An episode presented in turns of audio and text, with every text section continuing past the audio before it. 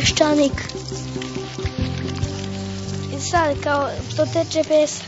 Klali smo se malo među sobom, časkali, prebirali posećanje.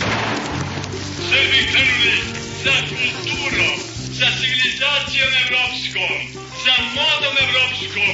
O, leševi srpski! Nacionalizam kod nas nije isto što nacionalizam u Francuskoj. Peščanik. Možete govoriti kao što Francuzi piju za učak vino, mi smo alkoholičari, mi ne smemo ni kap vina da pijemo. Ajde dalje. Napustimo mračni i sramni Beograd. Iza nas nerazuman lelek nedostojnih, Peščanik. ispred nas ciljevi uzvišeni, Ovdje ljudi još uvijek masovno misle da socijalizam nije tako rđe. Može, treći put vodi pravo u Afriku. Ekonomski uvek, ako hoćemo tamo, onda smo na pravom putu. iznad nas zver koja nas vodi putevima gospodnjim.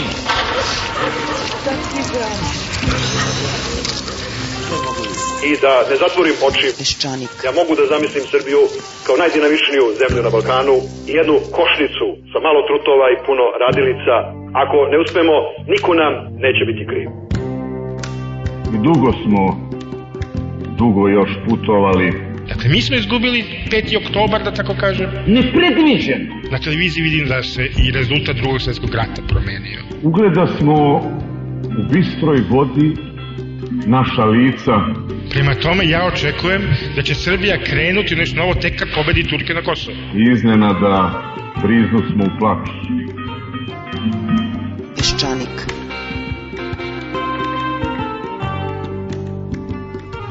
Dobar dan, danas je najduži dan u godini, što je dosta loša vest. Koliko će nam, dok ne krenemo na spavanje, još zatvorskih čuvara koji kroje političku scenu Srbije prodefilovati ispred očiju? Koliko će još tužbi za uvredu časti biti podneto, koliko tek štete u ovako dugom letnjem danu može da načini ministar pravde Vladan Batić? Taj čovek je onako, na moju žalost, malo spava, a mnogo radi. Prvo se svakog dana dopisivao sa sobom adresirajući pismo na Karl Del Ponte, onda je pisao DOS-u, pa zamrzavao i odmrzavao status svoje stranke u vladajućoj koaliciji, borio se jedno vreme svakodnevno za samostalnu Srbiju, dok mu Barijak nije preotao Dinkić. Sada ministar pravde svim raspoloživim sredstvima brani Čedomira Jovanovića, pozvao je u pomoći bivšeg šefa zatvora Blanušu, koga je inače on smenio. Citira iskaze pritvorenika što ne bi smeo, a da užad bude veći, on je i šef komisije za izradu ustava. Inače, Ustavna komisija radi odličnim tempom, uspeli su da se dogovore da će glavni grad Srbije biti Beograd. Ali ako počne da zapinje, na ostalim članovima Ustava tu su strani eksperti koji će pomoći ministru da napiše naš Ustav na Čirilici naravno. A u današnjem intervjuu novostima Batić je stigao da se zabrine i nad Narodnom bankom Srbije. Ona naime tvrdi da je Đelić na sednici vladio, vlade rekao da je Narodna banka Srbije bankrotirala.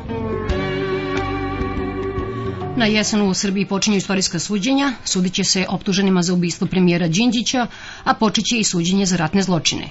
Nema problema, Batić će se malo odmoriti i srediti pravosuđe dok si rekao Bože pravde, kome se ne sviđa nek ide u zatvor. A najnoviji zaljubljenici u poligraf iz Demokratske stranke Srbije zatražili su da se Čedomir Jovanović priveže na tu spravu i da se za vijek i vijekov utvrdi laželi ili ne. Kako je kratak put od državnika i apostola prava i procedure do ljubitelja poligrafa. Ali što da ne, neka ide Čede na poligraf, samo što mi se čini da bi test propao jer bi potpredsednik vlade samo plakao. A Čeda, Čeda bi morao da prestane javno da plače za Đinđićem i da ode negde i da poraste. Da se vratimo ovom poligrafu, kad bi svi oni išli na taj poligraf, ostali bismo bez političkih lidera, ali ako bi se umjesto toga podvrgli testu inteligencije, neko bi nam i pretekao, mada malo ko. Nikada golf kao zabava političkih moćnika i jet seta neće biti mod u Srbiji. Nije to poljanče sa dva gola, tu ima devet rupa i 42 pravila, ko će to da savlada, džabe onaj kapetan Dragan ulaže pare u golf teren. Bogoljub Karić možda jeste sposoban i obrazovan da bude savjetnik Svetozaru Maroviću, ali golf je ipak ozbiljnija igra. Nikako da dođe ta dosada koju nam je obećavao, a u kojoj sebično uživa samo on, Vojislav Koštunica. Evo videli ste da njegovi eksperti, kogode da su, rešili su da uzdrmaju stvar, savjetovali su da Demokratska stranka Srbije glasa protiv novih zaduženja kod Svetske banke. Zna Srbija i zna on kako bi se lepo i lako moglo bez kredita, samo što dušmani ne žele dosadnu državu i srećen narod, jer, misli Koštunica, dosada je bolest srećnik i uravnoteženih ljudi kao što je valjda on. A ima i jedna druga definicija dosade. Dosada je oznaka mediokriteta. Oni se dosađuju zato što se u samoći susreću sami sa sobom. Evo završavam. U prošloj emisiji sam vizionarski najavila tuču na finalu Vatrepola u Kranju. Sutra papa dolazi u Banja Luku. Narađeno je da zbog bezbednosti budu zatvoreni svi šahtovi i prozori u gradu, zabranjeno točenje alkohola, 4000 policajaca će obezbeđivati poglavara Rimokatoličke crkve, biće sutra toliko hrišćanske ljubavi između katolika i pravoslavnih u Banja Luci da ni Isus Hrist ne bi bio bezbedan. Da se vratimo na Vaterpolo. One noći kada smo gledali divljanje u Kranju, u Beogradu i Novom Sadu, Nezapaženo je na našoj televiziji prošao prilog gde u Preševu za istim stolom večeraju Srbi, Albanci i Romi, a onda se i kolo zavrtelo jednog časa. Jedan od organizatora ovog skupa bio je i gospodin Miljenko Dereta iz građanskih inicijativa. Za mene je to poslednje iskustvo, sam ja išao na večeru na najudaljeniju tačku od Beograda u našoj državi. Nema dalje, to je... Nekad smo išli na večeru u Dubrovnik, a sad smo išli u Preševo. Dakle, mi sa Prešovom sarađujemo već skoro 10 godina.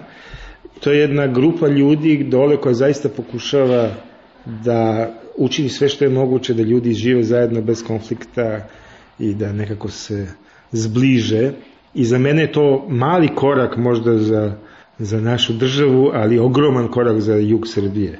To je zaista bilo jedno lepo, lepo druženje gde su svaka etnička grupa ponudila svoju kuhinju i zanimljivo je bilo na stolu da su to bile manje više iste stvari. Znači već to je vizuelno pokazalo da, su, da bliskost je mnogo veća svakodnevna. Znači kad odu u svoje kuće jedu istu hranu, da tako kažem. Drugo, da su zaigrali zajedno, da je to sve bilo, da su bili ljudi dobro raspoloženi, da su uživali u tom događaju i prosto mislim da je jako pohvalno kad se jedno ministarstvo, moram da kažem, bavi tako jednom malom stvari, Za lokalnu sredinu je to bio ogroman događaj, jer su došli gosti ne samo iz Beograda, nego i bio gospodin albanski ambasador, predsednik bugarske ambasade, predsednik ministarstva za ekologiju, da je to bio dan hrane. I naravno to nema, iz toga nije proizašao neki politički program, možda izašao neki zajednički jelovnik, ali taj jelovnik je za mene važniji nego bilo koji politički program koji bi oni definisali, pa ga ne bih postoje poštovao.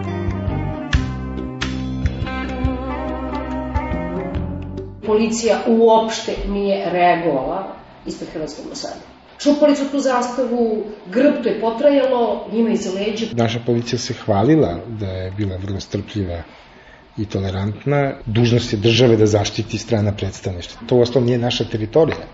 To gde su oni boravili skidajući zastavu. Oni su, dobro, ne treba viza više, ali su oni boravili na tuđoj teritoriji. I to je nedopustivo. S druge strane, ja moram da kažem da verovatno policija u želji da promeni svoj imidž, reaguje onako kako policija ne treba da reaguje, nego reaguje blaže i pokazujući jedno strpljenje koje nije uobičajeno za policajce.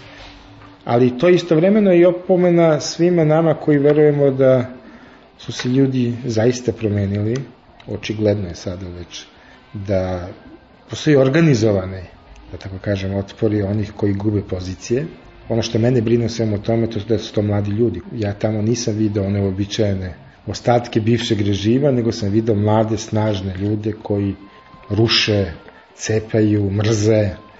Ono što bi za mene bio interesantan podatak da saznam, to je sad u ovoj obnovi kadrovske policije, u kojoj meri su zastupljeni predstavnici manjina. Imali ih, osim na jugu gde je to obaveza prema međunarodnim ugovorima, da li su se prijavljivali predstavnici manjine u policijske snage. To bi za mene bilo jedno zanimljivo pitanje koje u stvari možemo i da postavimo javno. Ako je to uopšte bitno, a izgleda je kod nas bitno. O ulozi zatvorskog čuvara Banđura u demokratizaciji Srbije. Zaštićen od strane DSS-a se pojavio čovjek koji vas ne gleda u oči za početak, da govori to što govori, ne ulazići u sadržaj onoga što je rekao. Ako je to osoba koja daje kredibilitet jednoj stranci, onda je za mene ta stranka politički mrtva i bila bi mrtva u svakom drugom ovaj, okruženju, ali u našem možda čeka od toga izvuku i neki profit. Iako sumnjam. Oni su najzad krenuli u obračun. To je valjda novi trend njihov, nova, nova politika sa posle glavnog odbora, ali su krenuli tako da su se odmah slupali na prvoj krivini.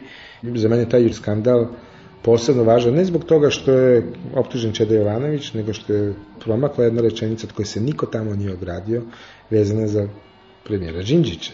Znate, da neki tamo kaže, ja sam ga video kako izlazi iz Šilerove, a da čoveka više nema da uopšte može da se brani od takve optužbe, to prelazi granicu, ne samo dobrog ukusa, to prelazi granicu ljudskosti. Naprosto vi ne možete nekoga ko ne može da se brani više prozivati i povezivati sa nekim koga je posle ubio.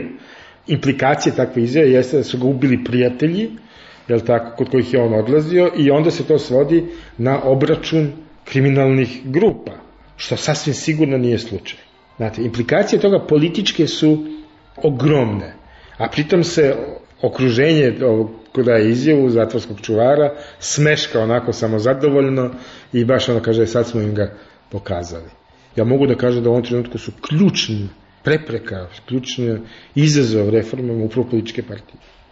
To više nisu građani koji kao su protiv, to više nisu sindikati koji se bune ili se ne bune. To su postale političke partije i njihovi međusobni odnosi. One se nisu opredelile suštinski za reforme, one ne biraju sredstva u, u borbi za onom kako oni shvataju vlast, a to je potpuna kontrola svega i drpanje i krađa svega što mi se nađe pri ljudi.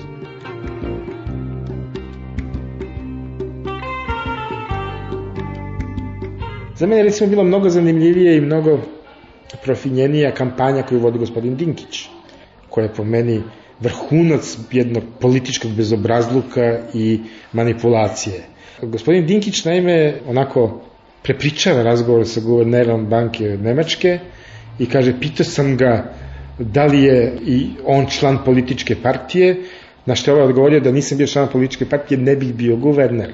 To je verovatno tačno. Ono što ga nije pitao da li partija koja je na vlasti ili bilo koje partije koja ne učestvuje u skupštini i u vlasti, kao gospodin Dinkić. Naprosto je napravio jednu manipulaciju u svoju korist i kad to radi neko ko upravlja parama, onda ja počnem da se pitam da li su njegove informacije o našim rezervama takođe, da tako kažem, delimično tačne ili je uskraćen jedan veliki deo informacija. Ja naprosto ne mogu da razumem one oko gospodina Dinkića koji imaju neki valjda politički plan i program, jako ono što su nam ponudili baš ne izgleda tako, da mogu takve stvari da tolerišu. Da nema tamo neko da mu kaže, aman, izaberi, pa zar je tako teško odreći se jedno te dve stvari? On može podneti formalnu ostavku na mesto potpredsednika i ostati najuticajnija ličnost u svojoj stranci. Pretpostavljam da bi to za njega značilo poraz. A on ne sme pokazati da u bilo kom trenutku je spreman na neki kompromis, na neko, ajde da kažemo, povlačenje, na neki gest koji bi ga uzdrmao njegovu sliku čvrstog političara sa terase, čelavog. Naime, ja moram da kažem da meni on sve više liči na Mussolinija, a to baš nekako ne prija. Ja ne volim takve političare, ja mislim da to nisu političari, ja mislim da su to potencijalni Miloševići koji imaju rešenja za sve, ali dobro, valjda prolazimo kroz pubertet politički, pa hormoni rade, ambicije rade. Mi bi sad mogli da se ovde, kako da seirimo nad tim što se događa sa strankom koja se zove G17. Znate, dobili smo u novinama, iako nismo tražili to od novina ni od koga, dodatak koji je program. Ja nisam čitao taj program, osim dela o Kosovu, ima interesalo kakve je ovaj, rešenje njihova za Kosovo. Njihovo rešenje je krajnje originalno, treba razgovarati sa albanskom stranom. Ali sam video tri sličice koje su na početku, ne znam da ste videli. Na prvoj sličici je gospodin Labus snimljen skoro iz ptičije perspektive kako potpisuje nekome neki tekst, znači vidi mu se seda kosa, mali deo brade i nazire se da je to on zato što pretpostavljamo da je to. Pritom je to u senci, u sredini je slika gospodina Dinkića potpuno osvetljenog, obasjenog suncem, znate ono kad je se Isus rodio, pa zrak koji je ukazao gde se to dogodilo, a desno je gospodin Predrag Marković, koji je tu negde između, očigledno sa svojim realističkim programom, pa pošto će biti samostalna Srbija, tu je negde on bolje osvetljen. Znači, mi imamo jedan promotivni materijal jedne stranke u kojoj je predsjednik te stranke u senci, a njegov potpredsjednik u prvom planu. Da nisam političan, da sam, najozbiljni, da sam najobičniji čovjek pa da imam takvu sliku, pa ja bih se zamislio. Onog trenutka kada vi kritikujete bilo šta što je vezano za rad vlade, skupštine odmah vas smeštaju u onaj blok koji je protiv reforme i tako dalje i tako dalje. Ja samo iskazujem stav na koji imam pravo. On nije neprijateljski. On je po meni konstruktivan ukoliko ga ja javno iskazujem. U tom smislu, recimo, meni užasno smeta ta još uvek ostrašćenost u odnosu na prošlo vreme i pre svega na komunizam kao, kao jednu ideologiju. Vi ne možete, recimo, tako da govorite u Italiji. Jer bi diskvalifikovali jedan ogroman broj birača, vi ne možete tako da govorite ni u, ni u Francuskoj. Jer tamo postoje komunisti koji imaju jednako pravo da iskazuju svoju, svoje političke ideje, svoje političke programe kao i svi drugi. Komunizam i komunisti su po definiciji zločinci. Vi danas imate u svetu jedan ceo novi pokret mladih upravo proizilazi iz antiglobalističkog pokreta koji je vrlo blizak tim levim idejama. Uopšte ne govorim o, dajem ocenu toga, samo govorim o činjenicama. Da pluralizam uključuje, nažalost mnogih, i leve ideje i ekstremne leve ideje, kao što na moju žalost uključuje ekstremne desne ideje. I ono što je takođe očigledno, to je da je u Srbiji još sve zrelija situacija za pojavu nečega što ja prosto ne znam ni kako bi nazvao, što bi bila alternativa. Što bi okupilo sve one koji, kojima je dosta ove političke ponude kako postoji, sa jedne i sa druge strane. Drugo, ja očekujem da se mladi na neki način konsoliduju svoje u, jednu, jednu vrstu pokreta koji bi jasno definisao svoje zahteve za jednu drugačiju budućnost i za jednu drugačiju sadašnjost. Jer nama preti, posebno u ovoj situaciji u kojoj smo sada, da postanemo Meksiko, Tajland, mesto na kome se za 80 centi radi po satu. Biste prokomentarisali sastav?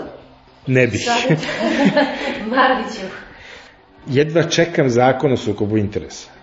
To je prosto, kako bih rekao, nedopustivo okružiti se predstavnicima krupnog privatnog kapitala i proglašiti ih za državne službenike de facto i savjetnike za mene je i to formalno. Ja ne kažem da ne treba da formalno se on konsultuje s njima, ali kao, kao predstavnicima određenih interesnih grupa, a ne kao sa e, ljudima koji treba da zastupaju naš opšti interes.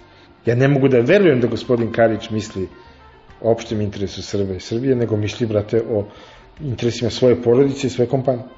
I ima pravo da to misli. Nema ništa protiv. Ali nemojte od njega praviti državnog službenika. I uvek je ta formulacija, koliko čovek nije u zatvoru, on je legalni građanin i prema tome... Pa i Legija nije u zatvoru. Se izvinjam se. Ni Mira Marković nije u zatvoru, ni Marko Mar Milošević nije u zatvoru. Pa što njih ne uzme za savjet? Za bezbednost disko klubove i ideologiju. Evo, recimo, ja mu predlažem da je za ideološkog savjetnika za Miro Marković. To je, to je skandal svoje vrste, e, koji za mene se negde meri sa činjenicom da je Marjanović bio predsjednik vlade i direktor preduzeća. Znate, može i Marjanović da uzme, zašto? On nije u zatvoru.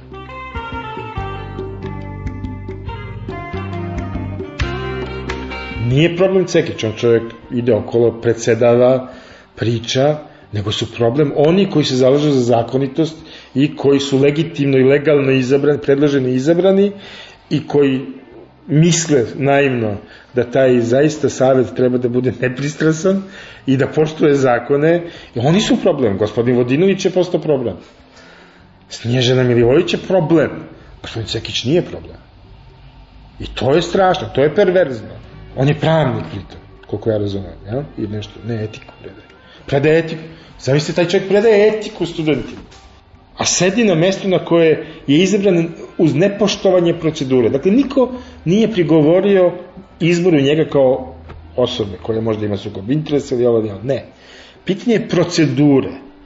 Pa on je treba da bude prvi koji će da kaže, aman ljudi čekajte, nemojte me sad birati, čekajte da prođe vreme predviđeno zakonom. A odjednom ispada da oni za koje niko od prethodno nije imao zamerke sad imaju sukob interesa, da su lagali, da su, ne znam, čovjek sa Kosova. Tamo u zakonu piše ljudi koji su doprineli ili su poznati iz oblasti telekomunikacija i po čemu je taj, ljudi ne znaju koji je on kursista. Ne, hoće da kažem da je to cela jedna stvar koja je jedna, jedna institucija koja je trebalo zaista da bude možda prvo mesto na kome bi se jedna partijska nepristrasnost, u kome bi se neki opšti interesi stavili u prvi plan je kompromitovana do te mere da koju god odluku da donesu, najpravilniju na svetu, uvek će biti pod sumnjom. Znači, gotovo je. Ta institucija je kompromitovana. I kome je to trebalo, sad se naravno postoje pitanje. Naravno, to ćemo videti za par godina, ne odmah, ne. Kada se podale frekvencije, pa kad budemo videli da li će se i kome te frekvencije posle prepredavati. E tada ćemo videti tek šta se zapravo i koji se, koji se kapital iza toga i koja interesna grupa pojavlja.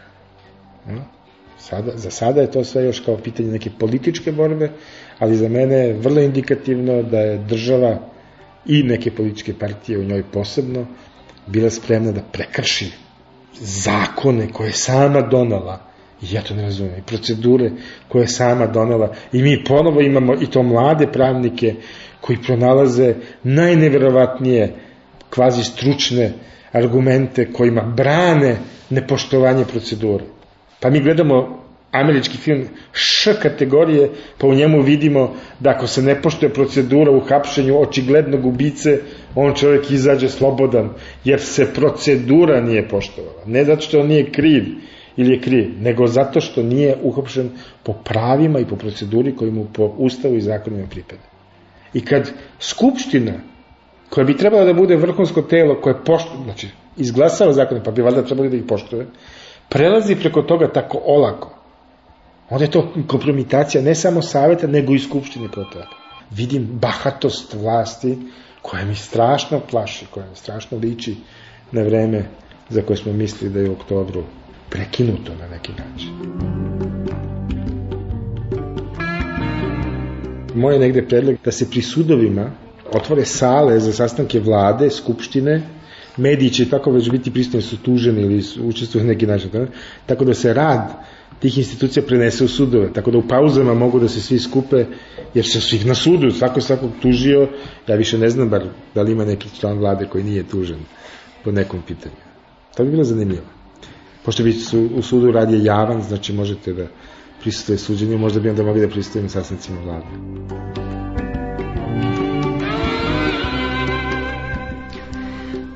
Bio gospodin Miljenko Dereta, mi ostajemo u sudnici, tamo će biti kampovanja od jeseni pogotovo.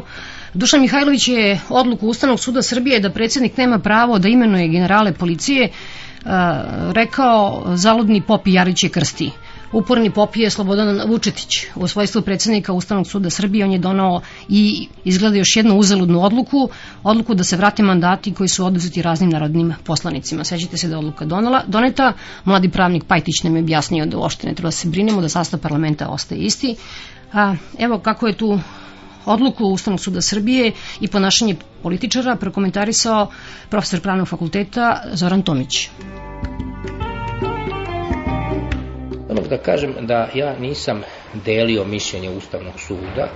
Dok odluka još nije bila doneta na javnoj raspravi u Ustavnom sudu, ja sam zastupao mišljenje da sa stanovišta našeg zakona o e, izboru poslanika, sa stanovišta sadašnjeg izbornog sistema, da bi bilo neracionalno tu odredbu poništavati Ja sam prosto smatrao da je princip slobodnog mandata neosporiv, ali da nije pravo vreme da se u jedan kontekst anahronog izbornog sistema, jednog nedostatnog ustava, ugrađuje jedna napredna odredba što može izazvati u parlamentarnom životu određene posledice koje ne bi bile poželje. Pa prosto stvar je u tome da bi se desilo da se pojavljuju izbori izbori, po znacima navoda, poslanik bi birao u parlamentu gde će i s kime će.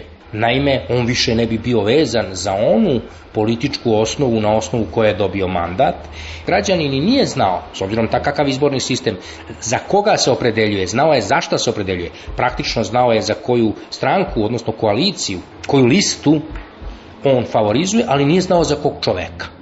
I sad prosto postani kliše nove opasnosti da ga ipak neko kontroliše. Ako ga već građanin ne kontroliše, bar da ga kontroliše, to je bio moj rezon, bar da ga kontroliše njegova stranka, odnosno koalicija, prosto sada slobodni poslanik je slobodan u lošem smislu. On može da ide u neku drugu partiju, može da se ponaša suprotno u stvari volji, volji birača, a da birač ne može ništa da uradi na tom planu. No, odluka je doneta i ona proizvodi pravne posledice sada to lice oštećeno na osnovu odluke Ustavnog suda traži ono što mu pripada, odnosno traži da mu se vrati poslanički mandat i tomu bez ikakvih problema Skupština mora dati. Znate, uočio sam nešto što, što je porazno. To je taj prezir prema pravu. Govorimo o vladavini plava, pravnoj drži, a kad dođe norma, kakva daje, onda tražimo način da tu normu izvrdamo, da ona ili ne odgovara nacionalnom, ili ne odgovara ekonomskom trenutku, ili ne odgovara partijskom i političkom, to se više i ne uvija, sad se to kaže otvoreno, da ćemo pravo primeniti kompromisno, da ćemo pravo primeniti stvaralački, da ćemo pravo primeniti u dogovoru i tako dalje, to nije pravo. Sve u svemu ova odluka suda kakva daje, ali sad kada se donela, sada se treba sprovesti sa svim rizicima koje to nosi. Što se tiče preambule i što se tiče te dileme da li će se pominjati narod i koji narod, ja mislim da rešenje koje se pojavilo u novinama kao predloženo, narod Srbije kao nosilac suvereniteta je u stvari jedno čudno, najde da budem blag, čudno kalemljenje te nacionalne i građanske opcije, u stvari je reč o tome da je neko izraz građani Srbije zamenio sa izrazom narod Srbije. Jer znamo dve stvari. Prvo, da Srbija nije homogena, da tu ima više naroda, to je jedna stvar. Drugo, da je srpski narod matični narod. Ako vi kažete narod Srbije, ne vidi se ni da je u pitanju srpski narod, među tim narodima ne vidi se ni koji su drugi narodi tu, ne vidi se čak ni ravnopravnost, prosto se veštački briše razlika, u stvari se htelo reći, ali bi to bilo oštro, svi smo mi srbijanci jer živimo u Srbiji, ajde da kažemo otvoreno. To znači to. Prema tome, ako malo otkrijemo tu formulu, narod Srbije u stvari znači građani Srbije. Znači, u stvari i nema, nema nikakve rasprave, nego je u stvari zamagljena suština i nije rešeno ništa. Zašto ne reći? Srbi nisu rešili svoje nacionalno pitanje. Da li će ga rešiti preko ustava sumnjam, ali ga ne smeju ni zatvarati, odnosno ponovo zamagljivati, jer se bojim da kao kad nešto pritisnete u vodi, da posle može izvesnog vremena da skoči, kao što je skočilo. Dakle, ja jesam za kombinovanje etničke, jer je to stvarnost, etničke i građanske opcije, građani su suvereni, ali treba reći da je država srpskog naroda i drugih ravnopravnih naroda koji sa njim žive, Jer nelogično je da govorite narod Srbija, da imate u povelji manjinska prava. Čija manjinska prava?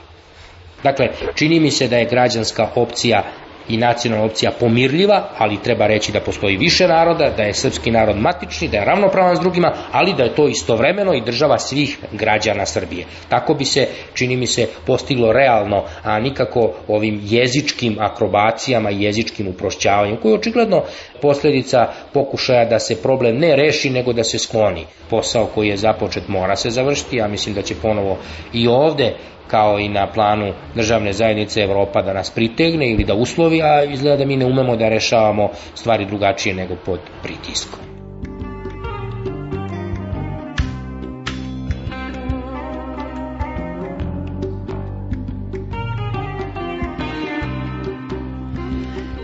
Kad se malo izigraju i zasite zatvorskih čuvara i zemonskih zatvorenika, možda će se neko setiti da malo pripomognu pri pisanju ovog ustava. A u nastavku Pečanika slušate gospodina Ivana Tasovca Inače, danas počinje leto, zvanično je. Danas je direktorku, direktor Beogradske filharmonije Ivanu Tasovcu srećan rođendan. A zahvaljujući njemu, Filharmonija je svoju 80. sezonu završila koncertom Jose Herrerasa u Sava centru. Dakle, slušate Ivana Tasovca i Maličak Mozarta.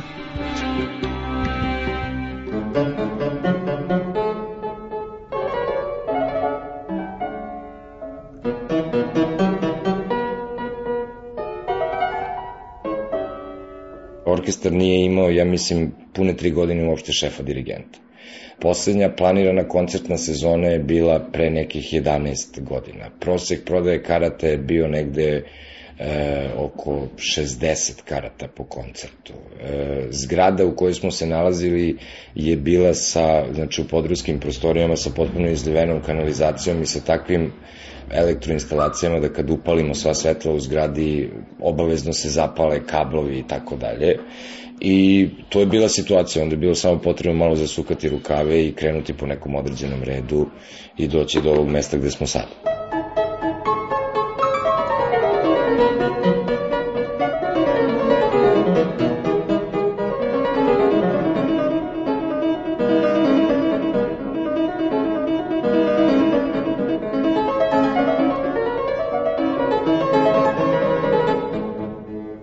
Teško su me ubedili da se prihvatim ovog posla, ja sam nekako sebi život tako organizovao da sa svojih 30-40 koncerata u inostranstvu, jako sam udobno i mirno živeo. Međutim, meni se činilo, za razliku od mnogih, da 5. oktobra ništa nije završeno, nego da tek počinje, ali ono što ja nisam znao tada, to je da je ovo vrsta posla koja će mi oduzimati po 15-16 sati dnevno. Ja sam bio potpuno siguran da ću moći uz ovaj posao i da nastavim da sviram. Ja sam u samom početku rekao da neću svirati sa Beogradskom filharmonijom, da neću nastupati u Beogradu, zašto mislim da biti direktor filharmonije i raditi te stvari, to je sukob interesa ali sam apsolutno mislio da ću nastaviti sa svojim koncertima u inostranstvu. Međutim, evo već pune dve godine ja nisam praktično otvorio klavir, jer meni klavir u ovom trenutku fali ne toliko zbog koncerata, koliko zbog nekog mentalnog zdravlja, zato što ono što bi ja najviše želeo to da imam svoje 3-4 sata da se zatvorim u četiri zida i malo da sviram. Tako da, iskreno rečeno sada, da sam znao u tom trenutku u potpunosti šta me čeka, pitanje je da li bih doneo ovakvu odluku. Međutim, sad kad sam je doneo, sad se nema kuda nazad, jer ovo mi ko ona narodna poslovica dala baba grož da uđe u kolo pet da izađe, a obzirom kakva su ovaj, primanja u kulturi, ja ne mogu da izdvojim tako značajna sredstva da izađem iz ovog kola.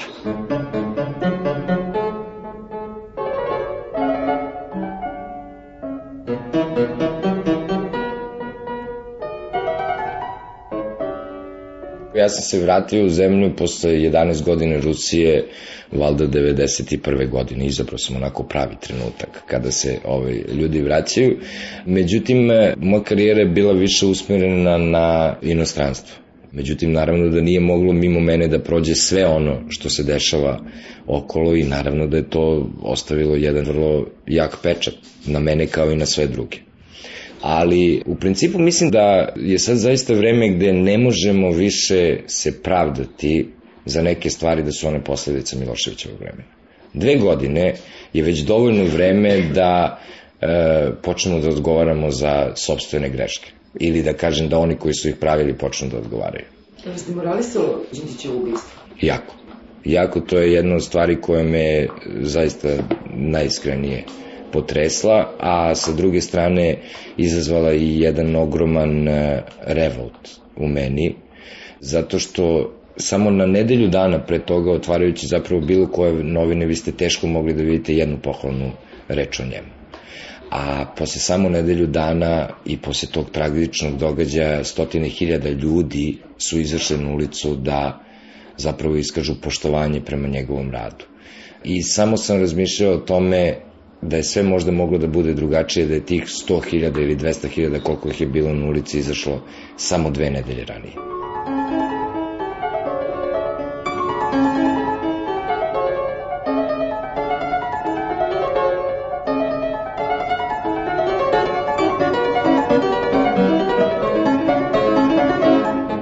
Nisu krivi oni koji su to uradili, njih 10, 15, 20 iz svih zemalja ove bivše Jugoslavije. Krivi smo mi sami to što smo dozvolili.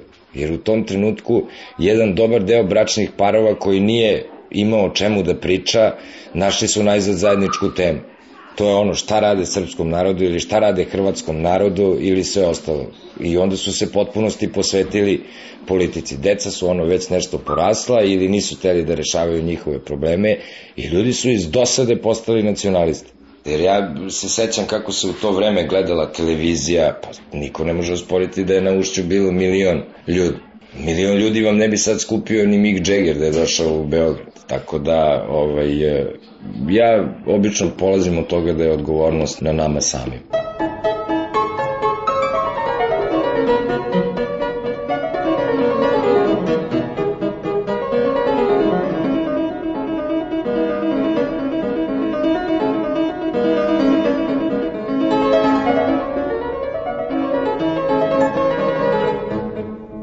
Ako ja mislim drugačije, pa ne moramo biti zbog toga neprijatelj. Mi možemo pričati o gomili stvari koje imamo zajedničke. Jer ne znam zbog čega naši političari obično polaze od onih stvari koji ih razdvajaju. Zašto ne nađu bar onaj minimum koji im je zajednički. Recimo, neka to bude, svi volimo da nosimo Armani odelo. Evo, to je već jedna dobra, ovako, čini mi se, politička platforma za našu političku scenu.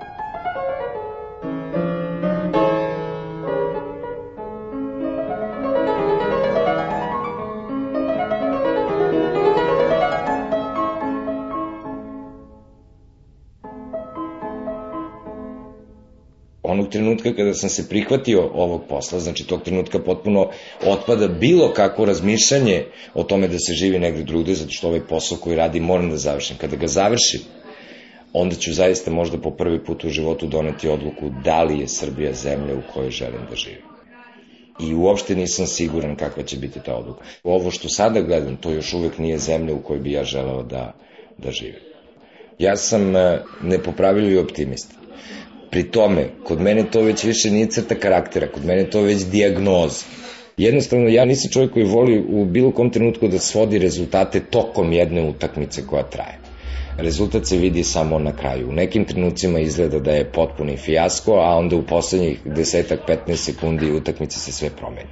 Tako da, mislim da treba uvijek da sačekamo ono sam kraj i onda da se osvrnemo unazad, a dok traje utakmica da gledamo samo napred. U ovom trenutku orkestar Beogradske filharmonije ne postoji ni jedno delo napisano koje ne može da izvede na jako visokom nivou. Druga stvar, mi samo iduće godine ćemo imati 30 premijera možda nije čak ni prijatno da ja govorim o tome, ali evo ja mogu da vam citiram Karl Antona Rickenbachera koji je bio pre par meseci ovde u Beogradu, koji je sazvao preskonferenciju i koji je onako potpuno uzbuđenim glasom rekao da je Beogradska filharmonija u ovom trenutku jedan od najboljih orkestara u Evropi, koje fali da bi izašla na veliku evropsku scenu kvalitetni instrumenti.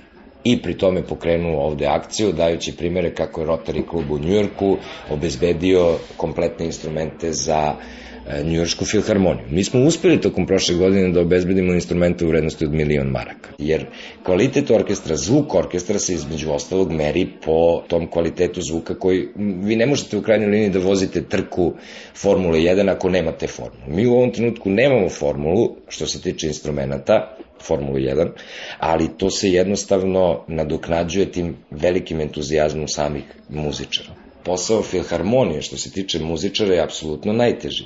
Muzičari filharmonije su svakog petka na sceni kolarca, znači oni su praktično glavne zvezde sa potpuno novim programom. Jer vi ako pogledate broj premijera koje smo mi imali tokom prošle godine, mi imamo praktično najveću kulturnu produkciju u zemlji. Drugo, ovo je jako mlad orkestar. Mi smo primili za poslednje dve godine jedno 15-16 izuzetnih mladih muzičara koji i žele da rade i stvaraju jednu potpuno posebnu atmosferu, tako da sam sa te strane ja dosta optimističan što se tiče kvaliteta orkestra. Ista ta stvar je i što se tiče menadžmenta, jer e, ako je recimo ranije Filharmonija pravila, da kažem, 16-17 programa tokom sezone, mi smo prošle godine imali preko 60 različitih programa. Filharmonija postoji već 80 godina i postojeće i sledećih 80 godina kogod da se nalazi na njenom čelu. Ono što isto tako činjenica je da Filharmonija 80 godina apsolutno i okuplja najbolje muzičare u ovom gradu, jer to je potpuno prirodan put. ovaj kojim se ide. Međutim, ono što mene interesuje, ono što je jedan dobar deo posla koji ja radim, to je da se stvari na neki način sistemski reše. Tako da onaj čovjek koji dođe na čelo filharmonije, on treba da daje, da kažem, neki programski pečat ili, ili neki način određen prezentacije, ali dosta još dug put od toga.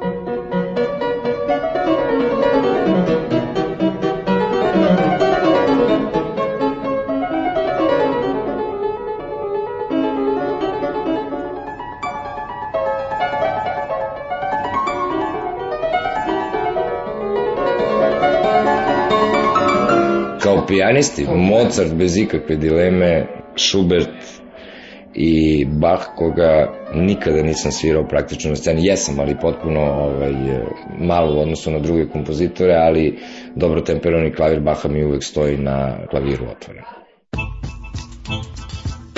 Peščanik. Bio ovo direktor Beogradske filharmonije i pijanista Ivan Tasovac, a sada Miloš Vasić o našoj novoj megazvezdi Slavomiru Banđeru. Vidim da je sutradan da je čoveka pustilo tri puta kroz poligraf, a oni obožavaju poligraf iz nekog razloga, strašno ga vole. Čak je stručna literatura o poligrafima puna priloga naših iz Beogradskog supa koji su glavni za poligrafe i strašno ih cene u Evropi. Ovaj, ako im je tri puta prošao kroz poligraf i rekli su mu izvini brate možda ideš kući, onda to znači da im se na, na tu temu provukao. Ako je njima čisto, onda ja stvarno ne znam šta da kažem. To nije novo. To se vuče negde od 8. maja, jer 8. maja je list Kurir objavio faksimile anonimnog pisma. Anonimno pismo je dobio Velja Ilić u Čačku gde se iznose dosta detaljni podaci sa tvrdnjama da postoje A fotokopije knjige poseta centralnog zatvora, B, nabraja se ovako jedna izveza količina 7-8 svedoka po imenu, uključujući upravnika Blanušu, nekoliko šefova smena, nekoliko stražara i tako dalje. To je prošlo neprimećeno potpuno, jer kao ono, pretpostavljam da se kontrolo kao kakav crni kurir nema veze. Da bi se to aktualizovalo ovim, inače, strašno nezgrapno smišljenim Banđurovim nastupom u Skupštini Srbije, to je stvarno nedopustivo, u tom smislu se slažem ovaj, sa, sa demokratskom strankom. To je mogao DSS da uradi u svojim stranačkim prostorijama.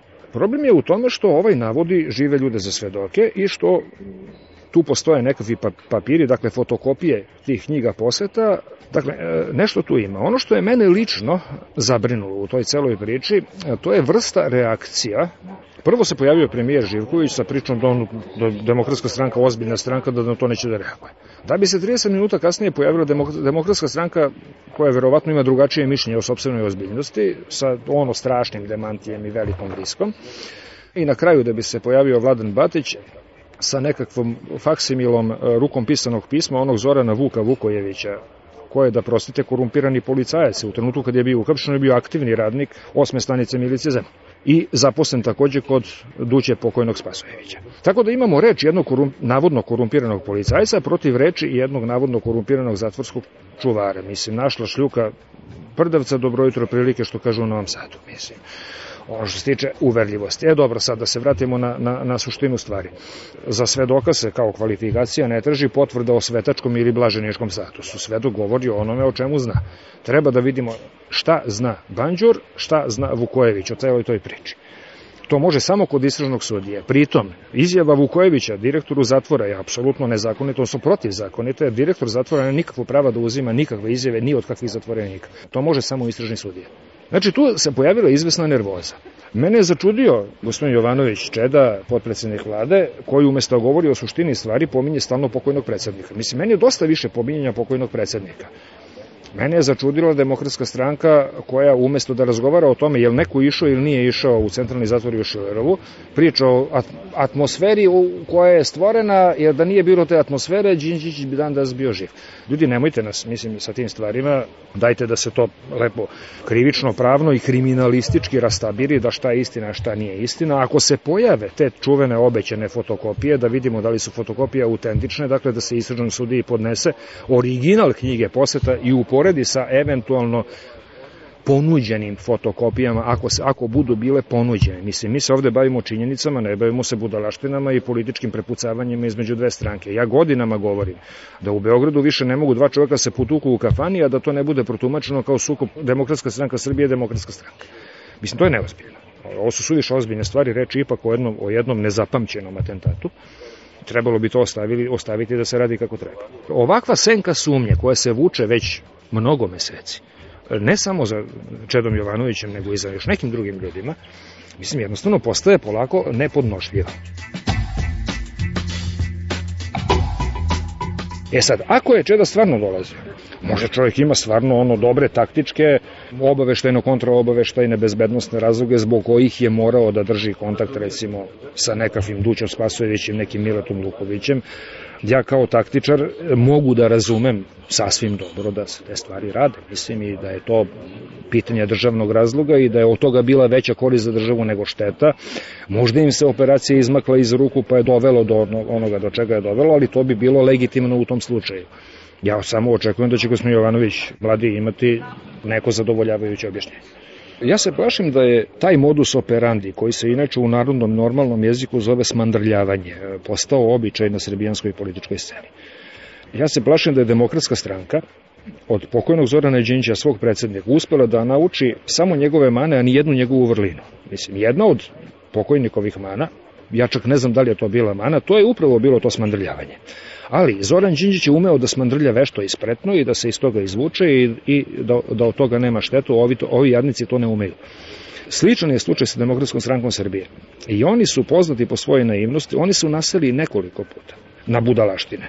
Oni su stvarno naseli na priču koja im je, po mom ličnom mišljenju, moja radna hipoteza bila podmetnuta i nameštena, da je Beba Popović najopasniji čovjek u Beogradu i da će im svima doći glave. Oni su se jadni primili na to, ko, što kažu deca, primili su se ko saučešće. Pa je onda iz svega toga nastao čuveni skandal sa upadom u e, biro za komunikacije, ako se sećate, pijane junske noći.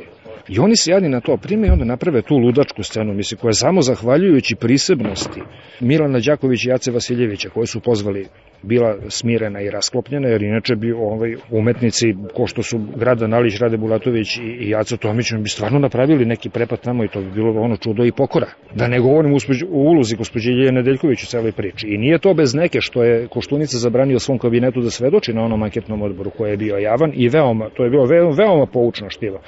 Drugim rečima, njime je bačena gumena koska da glođu.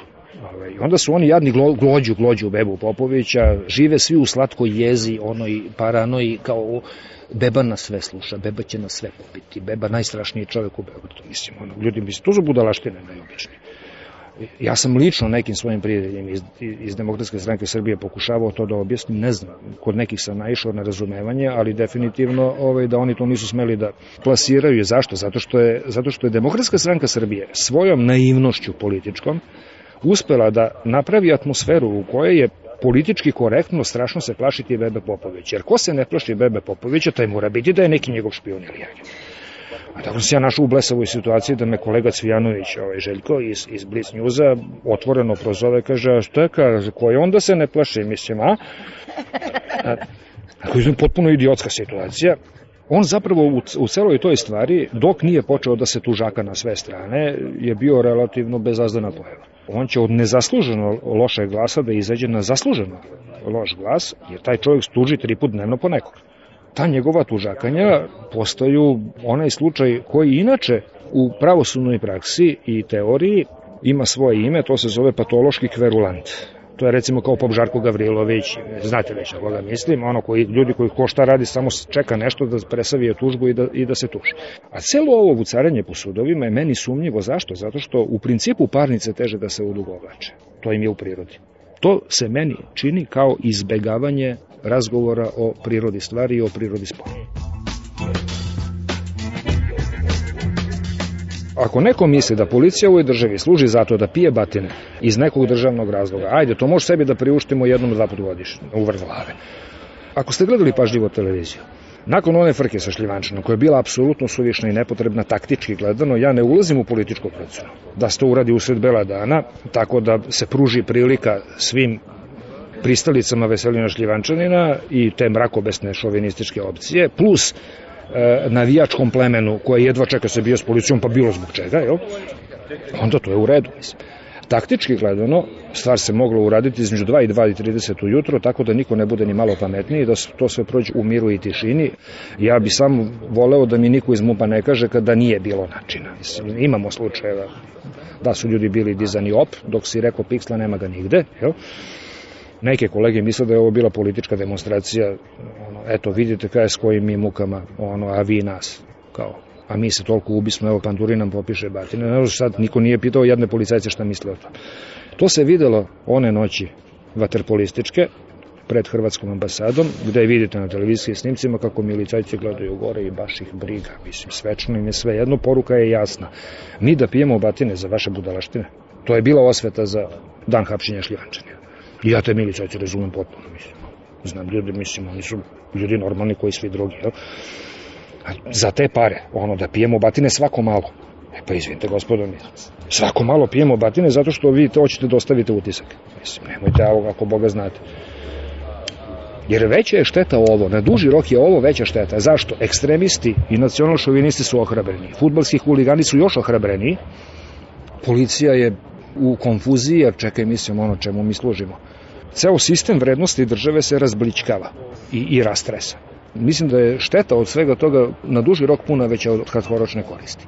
A sad to njima objašnjavati. Ja ću sad kažem nešto jako nepopularno. Ja mislim da, da Dušan Mihajlović u datom kontekstu to radi odlično. Kad čovjek pogleda na što je on naišao, kad čovjek pogleda da on ušao unutra sa tri svoja saradnika, jednim vozačem, jednim sekretaricom i jednim sekretarom svojim ličnim, ja mislim da on završio veliki posao. Lako je nama sada stavljati primetbe, tražiti ostavke i ostalo. Kad čovjek pogleda kontekst u kome je počela akcija Sablje i kad čovjek pogleda kontekst u kome se akcija Sablje završila, oprosto Dušan Mihajlović je završio veliki posao. E sad, ono, pljujte me, radite mi šta znate, nazovite me ovako ili onako, ja vidim golim okom. Ja razgovaram s tim policajcima, mislim, vidim šta je. Vidim takođe da su nezadovoljni upravo zbog ovoga što sam govorio, da ih se malo previše olako pušta da piju batine i, i da budu žrtve iz državnog razloga, a ne znam koliko im se to plati posle. Kad bi barem dobro platio, oni verovatno jadnici pristavljaju, kaže ovako, aj popijemo batine, pa o, u redu. Ja? Ali mislim da kad se to sve sabere i oduzme i dovede na nekakav saldo, e, da Duško Mihajlović iz tog salda izlazi pozitivno. Kažem, to je nepopularna izjava, ali ja stojim iza njega. Ja mislim da je Legija puno inteligentniji nego što oni misle. On je izgledao kao komad govedine, mislim. Međutim, čovjek je očito bio u stanju, a ne zaboravite jednu stvar, a to je da bivši legionari imaju svoju mrežu veze i ostaju drugari ovaj, nadalje. To se najbolje vidi iz primjera druga legija i druga Ante Gotovine, mislim, koju, kako su izašli iz legije stranaca, tako su počeli pljačkaju banke i draguljarnice okolo ovaj, i ostalo i to je jedan ono network mreža koja je planetarnog tipa. I to je ekipa koja se drži zajedno, jedni drugima nameštaju poslove i tako dalje. Dakle, Legija možda bude ovog trenutka u, u Zimbabve, u Južnoafričkoj republici, u Dominikanskoj republici, na Haitiju, Laosu, Kambođi, Vjetnamu, mislim, on, you name it, gde god bilo, potpuno sve. Moji izvori iz Skoplja mi ovih dana kažu da su došli do zaključka da je kompletno taj legin intervju u makedonskom svedoku izmišljen od početka do kraja, mi je to najobičnija budalaština, a o vezama druga Arkana sa vevčanskom mafijom, o, to, o tome može knjiga da se napiše. Ne zaboravite, Arkan je bio i ostao radnik, ovlašćeno lice radnik unutrašnjih poslova. On organizovao veze za kršenje sankcija, šverc cigareta, tečnih goriva i strateške robe, uglavnom preko Kumanova, Prohora Pčinskog i tog dela, ali i drugih graničnih prelaza i preko Kosova i izokola. Ovaj, tako da je on obezbedio sebi logističku podršku u Makedoniji na vreme. Tu su profitne stope, pogotovo na tečnim gorivima i cigaretama, bile ogromne, tako da su svi uspeli srećno da se ugrade od celog VMRO, ovaj, pa preko lokalnih vevčanaca, lokalnih policajaca i mislim kogod bio, sve je to srpski kupac na kraju krajeva, plaćajući onu skuvanu flašu od liter i po benzina, plastičnu, plaćao. Legija nije izbio iz. I naravno po ponašanju lavova i po njihovim oruženim pobunama vidi se ko, kakve su učitelje imali.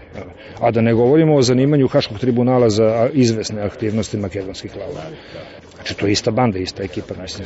Kako da vam objasnim jedna tako ovaj nevladina organizacija?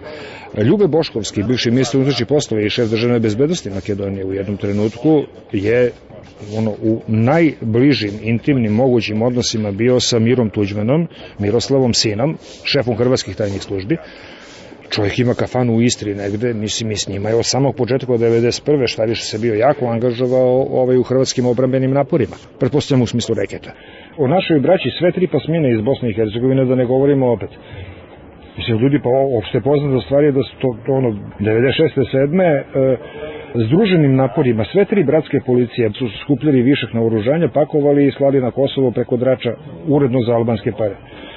Mislim, pare se nikom nisu gadile. Mislim, to postoji, to je, za, što kažu drugovi policajci, to je zadokumentovano, potvrđeno i tako dalje, postoje interpolski podaci o tome i sve. Ono, novci su novci.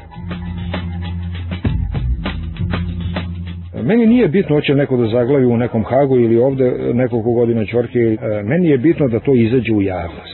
A što se mene tiče, oni mogu da očetaju slobodno, ne moraju u zatvor uopšte. Nije mi do toga stalo da sam čovjek hrišćanin i humanista. Ali samo da se zna da ne umremo ko budale. Bio Miloš Vasić u emisiji Peščanik, slede vesti Radio B92. Peščanik.